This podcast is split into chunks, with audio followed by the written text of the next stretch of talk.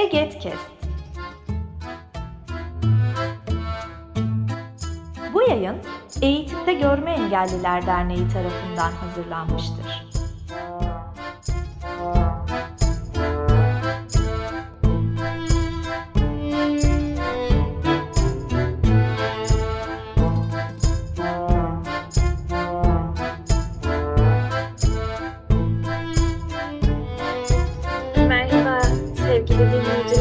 Eget Kest'in Kariyer Öyküleri bölümünde bugün Hande ile beraberiz. Hande mütercim tercüman ve bugün mesleğe başlama süreçlerinden, e, bu mesleği nasıl seçtiğinden konuşacağız. Daha birçok şeyden de konuşacağız. O zaman Hande hoş geldin. Hoş bulduk, teşekkür ederim. Seni kısaca tanıyabilir miyiz? Evet, tabii ki. Ee, ben Hande Keykubat, 1983 doğumluyum. İlkokulun bir bölümünü, dört buçuk yılını İzmir Bornova'daki Aşık Veysel Ana İlk ve Sanat Ortaokulu'ydu bizim zamanımızda adı. Orada okudum. Ortaokulu Anadolu Lisesi'ni ailemle birlikte okuyabilmek için şeye taşındım. E, ilçeye taşındım. Manisa'nın Salihli ilçesine taşındım. Ortaokul Anadolu, ortaokulu ve liseyi Anadolu Lisesi'nde okudum. Salihli, Manisa Salihli'de. Sonra da Boğaziçi Üniversitesi mütercim tercümanlık bölümünde okudum. Sonra orası çeviri bilimi oldu tabii. Hı hı. Ee, bir miktar özel sektörde çalıştım. Mütercimlik yaptım, yazılı çevirmenlik yaptım yani. Sonra Norveç'e gittim iki buçuk yıl kadar. Orada da dil bilimi ve dil edinimi üzerine e, lisans şey yüksek lisans yaptım. Yani şöyle yapmadım aslında derslerimi bitirdim ama tezimi yazamadığım için e, sonra buraya tekrar dönüp Ankara'da iş hayatına atıldığım için e, öyle yarım kaldı o. Ama epey de faydalı deneyimler yaşadım orada. Evet elbette Şimdi de faydalı. bir kamu kuruluşunda mütercimlik yapıyorum hala. Ee, peki bu mesleği nasıl seçtin? Bire- bize biraz bahseder misin? Bu mesleği şöyle seçtim aslında. Ee, benim çocukluğumdan beri ailem tarafından fark edilen bir müzik ve yabancı dil yeteneğim vardı. Mesela çok erken konuşmuşum, hiç yarım konuşmamışım. Hatta en zor kelimeleri bana söyletiyorlarmış. Asansör, merdiven falan böyle, traktör söylüyormuşum. Ya o kızım bir yarım konuş da bir eğlenelim biz de falan diyorlarmış ama ben hiç yarım konuşmamışım. Babam abimi İngilizce çalıştırırken abim öğrenemiyormuş, ben öğreniyormuşum kelimeleri ya da cümleleri. Babam küplere biniyordu. Kardeşin öğrendi bak sen öğrenemedin falan diye. Tercüme faaliyetiyle ilk tanışmamda 1991 yılında e, Körfez Savaşı vardı Irak-İran arasında. Orada e, e, TRT vardı tek kanallı o zaman tabii özel televizyonlar falan yok.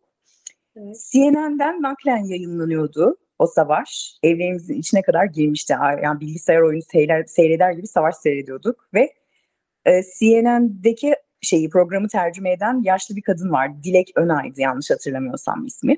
Ben onunla dalga geçiyordum tabii o zaman bilmiyorum çeviri faaliyetinin ne kadar meşakkatli bir şey olduğunu. Aa ben büyüyünce daha iyisini yaparım falan diye. çeviri faaliyetiyle tanışmam e, o zaman denk geldi. Sonra dördüncü, beşinci sınıftaydım yanlış hatırlamıyorsam. E, tam hatırlamıyorum ama ilkokul öğretmenim dedi ki ben ve birkaç arkadaşım vardı. Bu çocuklar çok zeki. Bunlar böyle bizim ortaokulda harcanmasınlar. Anadolu Lisesi'ne gitsinler derken annem şeyle tanıştı. E, şu an İzmir'de hala İngilizce öğretmenliği yapıyor galiba. Emine Ortakaya. Onunla tanıştı. O Boğaziçi Mütercim Tercümanlık mezunuydu. Ben kısaca sohbet etmiştim o dönemde onunla. Ama annem epey uzun sohbet etmiş. Ve işte Hande'nin de yabancı dillere işte yeteneği var. Anadolu Lisesi'ne de giderse, de Boğaziçi'ne giderse falan diye ben o anda hedefimi belirledim. Beşinci sınıfta falan. Ha, tamam ben Boğaziçi mütercim tercümanlık okuyacağım diye. Öyle oldu aslında. Güzel. Mesleğimi ilkokul sonda seçtim diyebilirim. Bu çok güzel bir şey. Herkes e, seçtiği hedef doğrultusunda ilerleyemiyor ya da hedefler çok çabuk değişebiliyor. Değişmesi de Evet. çok normal aslında. E, hı. peki ben de bir dilciyim. Evet. E, bir kör olarak İngilizce çalışmak nasıl oldu senin için? Nasıl hmm, farklı kaynaklar bulabildin? Neler yaptın ekstra? Valla Ağustos'ta zaten o zaman daha bilgisayarlarımız yoktu. Konuşan programlar falan yoktu. Orada payeyi, en büyük payeyi anneme vermek istiyorum. İngilizce bilmiyordu o da. Ben de bilmiyordum. Öyle tangır tungur yazılışlarıyla bilmem ne Benim okuyor okuyor. Kesinlikle saatlerce kadın bana e, okudu öyle. Ta- Hatta hiç bilmediği Tarzanca, e, kendisi için Tarzancadan bir farksız, e, farklı olmayan bir dili benim için okudu, okudu, okudu yazık. öyle oldu. Yani öğretmenlerimin de e, çok yardımcı oldular. Önce bir korktular. Hazırlığa başladığım zaman ya nasıl hani buna ulaşacağız, yardım edeceğiz bilmem ne. Fakat sonra kaydettiğim başarıyı görünce onlar da bana çok yardımcı oldular. Onlar da ça- çalıştırdılar ya da ödevlerimde ödevlerimi benim erişebileceğim şekilde vermeye falan başladılar. Ama o zaman tabii ki benim için erişilebilirlik demek sadece daktilo, kabartma daktilo ve annemin sesiydi. Bir de bulduğum mesela annemin arkadaşları bana şey getirirdi. Çok büyük böyle 100 kasetlik bir Oxford English diye bir set vardı. Onları, onu getirmişti birisi. Bizde BBC English diye 4 kasetlik küçük bir set vardı. Onları buluyorlardı. Bir de benim radyom vardı bir tane dört dalgalı. Yatılı okuldayken almıştı onu bana babam. Dört dalgalı düşe kalka düşe kalka o radyo bozula tamir edile bozula tamir. Ben onunla BBC'yi izliyordum cazırtılı. Ondan sonra farklı dilden radyoları izliyordum. İşte Çin'in bilmem İngilizce şeyini seyrediyordum, dinliyordum falan derken hani İngilizce kaynağım da çoktu aslında. Evet. Epey annem de. çeşitliydi yine de. Hani şimdiki gibi kolay değildi tabii, erişilebilir değildi ama yine de vardı yani. Öğrenmek isteyen için her zaman vardır. Evet, e, benim annem de aynı şekilde bu arada Almanca bilmiyordu asla ve bana harfleri tek tek söyler, ben yazardım. E, Evet. Peki bize çok kısa üniversite sürecinden de bahseder misin? E, benim üniversite sürecimin ilk iki yılı çok zordu. Özellikle ikinci yıl çok zordu. Çünkü biz e, mütercim tercümanlık bölümlerinde her şeyden biraz öğrenelim, anlayalım diye her dersten okuturlardı. İşte ekonomiden tut, psikolojiye kadar e, pek çok pek çok alanda bizi şey yaparlardı. Ders alırdık. İlk iki yıl bu GETEM falan henüz çok oturmuş değildi. E, dolayısıyla şey olmuştu mesela e, okum kita- kitap bulamıyordum fazla. Dijital kitap bulmakta zorlanıyordum. Arkadaşlarıma okutuyordum. E, bazıları burs ofisi tarafından çalıştırılıyordu sigortayla. Bazıları gönüllü okuyordu falan. Ama üçüncü sınıftan sonra bu biraz oturmaya başladı. Üçüncü ve dördüncü sınıfta not ortalamam yükseldi ama e, tabii ki ilk iki yıl biraz zor olduğu için yine de çok yükselemedi. Çünkü kitaplara ulaşmam her zaman kolay değildi. Bir de fotokopi şeklindeydi o kitapların bazıları.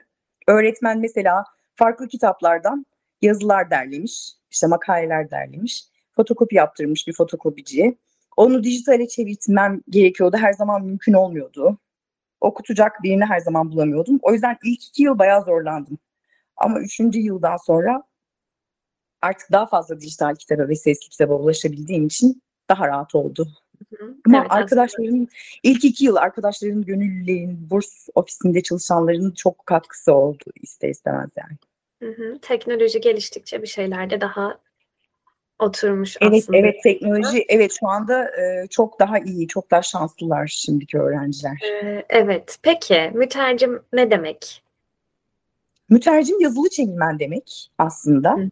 Ee, bir metni, hedef met, hedef metin, e, daha doğrusu şöyle söyleyeyim. E, senin çevireceğin dil hedef metin. E, Hı hı. diğer metinde, işte orijinal metinde kaynak metin oluyor. Kaynak Hı hı. metni hedef metne çevirme faaliyetine mütercimlik deniyor. Tercüman Sözlü çok isterdim. çevirme. Simultane tercüman olmayı ama olamamıştım. Ben hiç şey. istemezdim. Evet. Ee, Peki bize çok kısa iş deneyimlerinden de bahseder misin? Ee, yaşadığın olumsuzluklar ya da güzel anılar ya da bu mesleğe başladığında yaşadığın işte erişilebilirlik sorunları var mı? Neler yaşadın? E, ben ilk işim bir özel şirketteydi. E, Pepsi Fritolay'da çalışmıştım. Yanguru Akademi diye bir sivil toplum kuruluşunun e, referansıyla. Orada gerçekten bana e, şeyi bütün tarayıcı mesela bilgisayar istiyordum. En yenisini veriyorlardı. Tarayıcı gibi. Hani şeyleri de fotokopileri de ya da e, kağıt olan metinleri de tarayabiliyordum. E, o anlamda hiç sorun olmuyordu. Fakat şöyle bir şey vardı. Ben biraz cahildim, tecrübesizdim, sabırsızdım. Beni e, tabii ki ilk aylarda denemek istediler. Normalde çevirdikleri bir şeyi bana tekrar e, çevirdiklerini fark edince ben zaten hiç işsizlik deneyimi de yaşamamışım. Toyluk bilmem ne. Gidiyorum ben falan diye istifayı bastım. yani çünkü bana çok şey geldi bu. Yani niye sen beni deniyorsun işte zaten Evet. çevirtmişsin sen benimle dalga mı geçiyorsun falan gibi. İkinci işim de yine Nestle. O da özel şey sektör. O da bana çok iyi davranan bir şirketti. Hatta Norveç'e gitmeseydim ayrılmazdım da Nestle'den. Ee, o daha aslında Pepsi mesela Amerikan şirketi olduğu için daha agresif bir şirketti.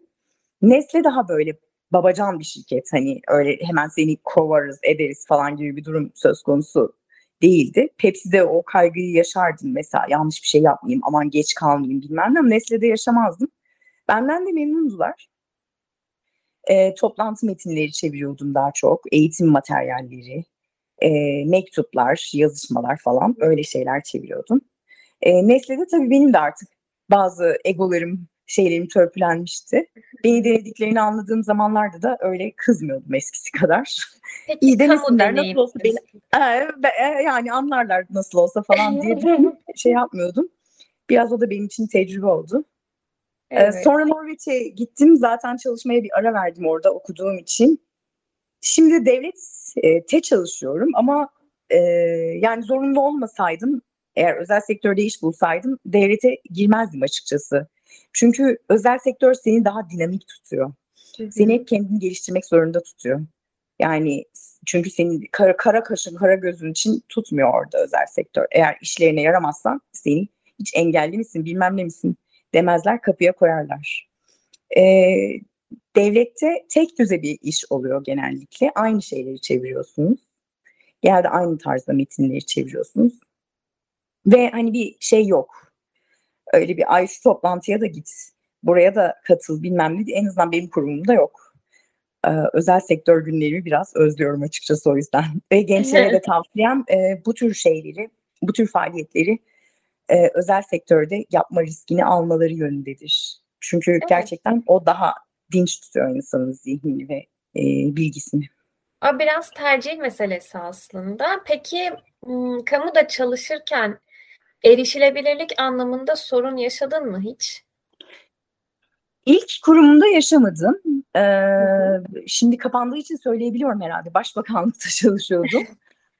Başbakanlıkta bilgisayar e, mesela yine bilgisayar ekran okuyucu ne istersek alınıyordu. Bu şimdiki kurumda ekran okuyucu konusunda uzun yıllar sorun yaşadım.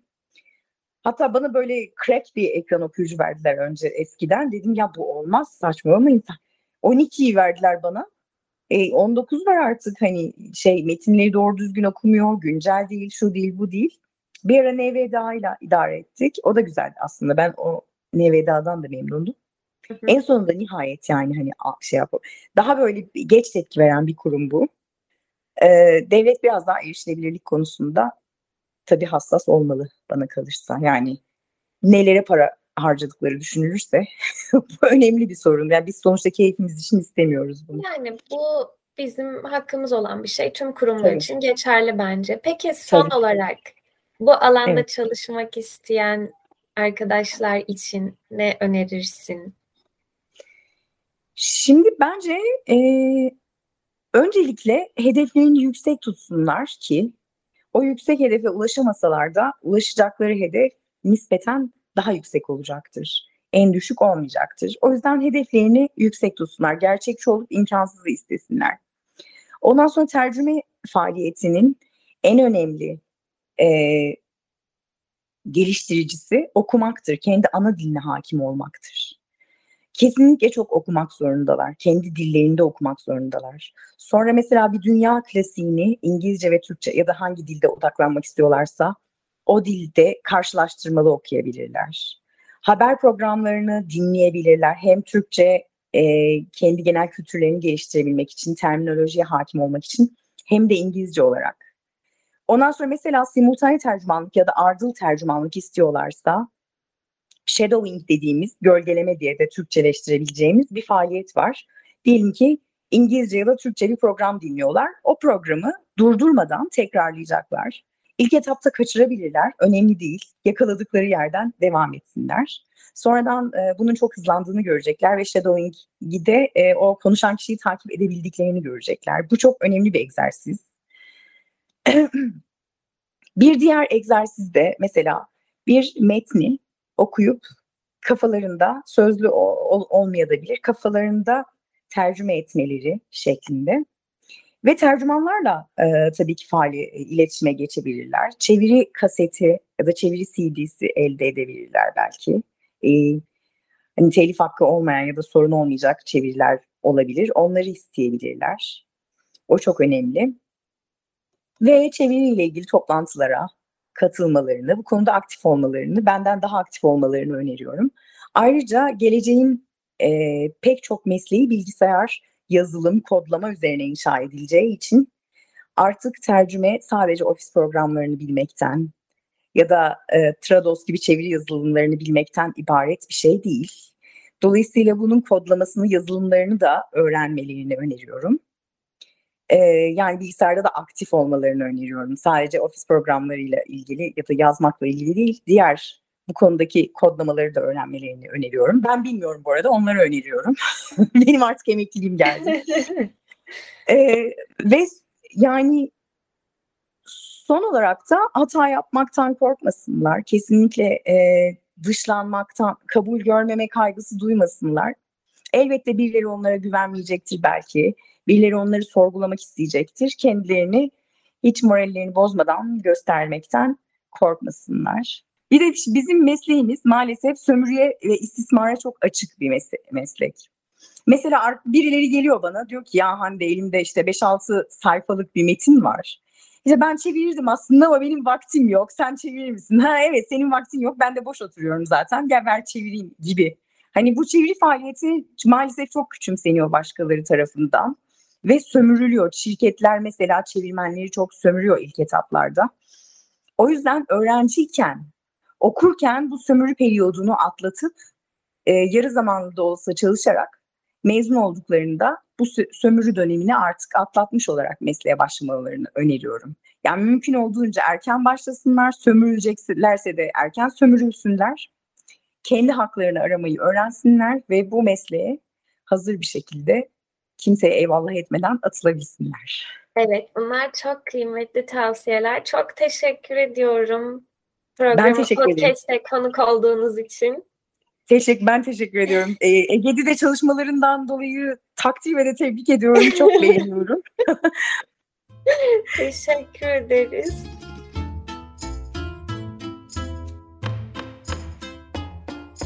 Bu yayın Eğitimde Görme Engelliler Derneği tarafından hazırlanmıştır.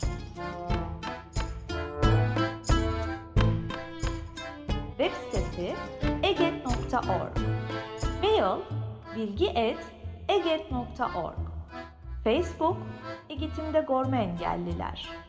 Twitter et Eget İletisim. Instagram Eğitimde Görme Engelliler